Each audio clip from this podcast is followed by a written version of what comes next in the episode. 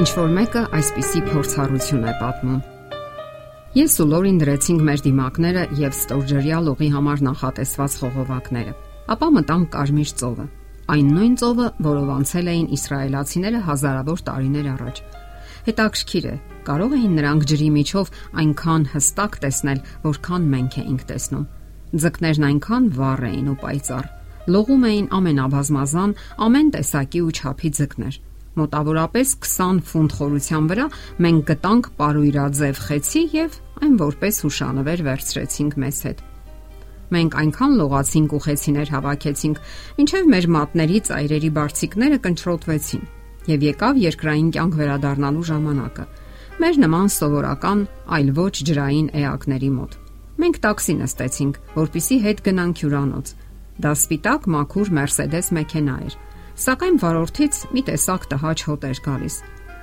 Ես ու Լորին բազմանշանակ հայացքներ փոխանակեցինք ու բարձրացրինք մեր հոնքերը։ Դա լուր նշան էր եւ համաձայնություն այն բանի, որ բոլոր երկրներում չէ որ հետևում են մակրության ու հիգիենայի մեր ամերիկյան չափանիշներին։ Սակայն ինչ արած, մենք մեծ չափազանց նրբանակատ ու հանդուրժողական էինք պահում այդ կարճ ուղևորության ժամանակ։ Մենք քաջաբար դիմանում էինք այդ տհաճ նեխահոտին։ Վերադառնալով հյուրանոցի մեր համարը մենք սկսեցինք պատրաստվել ընթրիքի, երբ հանկարծ զգացինք նույն հոտը։ Տարօրինակ է, որտեղից կարող է այն գալ։ Մենք սկսեցինք խուզարկուների նման որոնումներ անցկасնել ամբողջ սենյակներում։ Հոտը մեզ հասցրեց իմ լողազգեստի գրպանում դրված հուշանվեր խեցուն։ Ահա թե որտեղից է բուրում այդ տհաճ հոտը։ Դա մեզ տարբեր դասեր տվեց։ Նախ որոշեցինք նման վայրերից բնականորեն պահպանվող տարածքներից վերցնել եւ տուն տանել միայն լուսանկարներ։ Սակայն դա նաև խոնարհության դաս տվեց մեզ։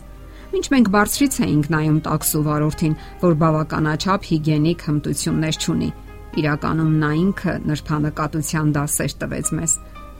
Այդ մարդը սիրալիր ու նրբանկատ կերպով ոչ մի ուշադրություն չդարձրեց այն բանին, որ իր ուղևորներից աղբի բաքի հոտ է փչում։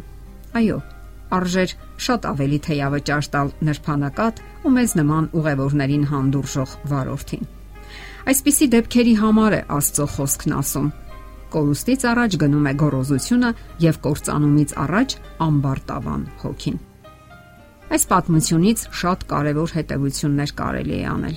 Ամենից առաջ այն, որ եթե Քրիստոսը, Փարքի հույսը, բնակվում է մեզանում, ապա մենք չենք հետևի ուրիշներին նրանց սխալները մատնացույց անելու համար։ Նրանց մեղադրելու, པարսավելու փոխարեն մեր նպատակը կլինի նրանց օգնելը եւ նրանց փրկությանը նպաստելը։ Մարդիկ կատարյալ չեն։ Դա նաև մեզ է վերաբերում։ Ահա թե ինչու սխալ թույլ տված մարդու հետ վարվելիս հարկավոր է ուշադրություն դարձնել այն հրահանգին, որ Պողոս Արաքյալը ուղղում է գաղատացիներին։ Զգուշացիր քո անձին, որ ինքդ էլ չփորձվես։ Դուք կհիշեք, թե որքան անգամ եք սխալվել եւ որքան դժվար է եղել մեկ անգամ թողած ճանապարհը կրկին գտնելը։ Դուք չեք հրի ձեր եղբորը գլորելու ավելի հոց խավարը, այլ կարեկցանքով լի սրտով կզգուշացնեք նրան վտանգների մասին։ Մի դատեք։ Այս խորհուրդն է տալիս Հիսուսը յուրաքանչյուր մարդու ով ընտրում է քրիստոնեությունը որպես կյանք եւ կյանքի ճանապարհ, ով ցանկանում է հասկանալ դիմացինին, նրա տարապանքներն ու դժվարությունները։ Նա, ով հաճախ է նայում Գողգոթայի խաչին, հիշելով, որ իր մեղքերն են փրկչին խաչից կախել, երբեք չի փորձի համեմատել իր զանցանքի աստիճանը ուրիշների հետ։ Նա չի նստի դատավորի աթորին ուրիշներին մեղադրելու համար։ Նրանց մեջ ովքեր քայլում են Գողգոթայի խաչի ստվերով պատած արահետով, չկա քննադատության կամ ինքնամեծ արման ոգի։ Երբ դուք զգաք, որ կարող եք զոհել ձեր արժանապատվությունը եւ նույնիսկ ձեր կյանքը տալ մոլորված եղբորը փրկելու համար, որ դեն եք գցել ձեր աչքի միջի գերանը, ուրեմն պատրաստ եք օգնելու ձեր եղբորը։ Այդ ժամանակ կարող եք մոտենալ նրան եւ հպվել նրա սրտին։ Ձեր անznական կյանքը կարող է այն լավագույն օրինակը լինել, որը կխոսի բարերից ավելի perճախոս։ Դեռ ոչ մի բան չի ուղղել իր սխալները հանդիմանության ու կշտամբանքի միջոցով։ Ավելին, շատերն այդպիսով հեռացել են Քրիստոսից եւ իրենց սրտերը փակել հանդիմանության առաջ։ Միայն հես, քնքուշ, հոգին ու հմայիչ վարքը կարող են մոլորյալին փրկել ու նրա մեղքերը ծածկել։ Երբ Քրիստոսը դրսևորվի ձեր բնավորության մեջ, այն ժամանակ կունենաք վերափոխող ուժ բոլոր նրանց վրա, ում հետ շփվում եք։ Ամեն օր թող Քրիստոսը երևա ձեր մեջ եւ ամեն ժամանակ նա ձեր միջոցով ցուցաբերի իր խոսքի արարչագործ ուժը։ Հես, համոզիչ, սակայն զորեղ ազդեցությամբ վերստեղծելու մարդկանց հոգիները Աստծո գեղեցկության պատկերի պես։ Ինչն է դրթում մեզ ծառայել մարդկանց ու հասարակությանը։ Կարևոր է ողրզել դա առաջին հերթին հենց մեզ համար։ Որն է մեր ծառայության իսկական շարժառիթն ու նպատակը սերն ու երախտագիտությունը Աստծո հանդեպ,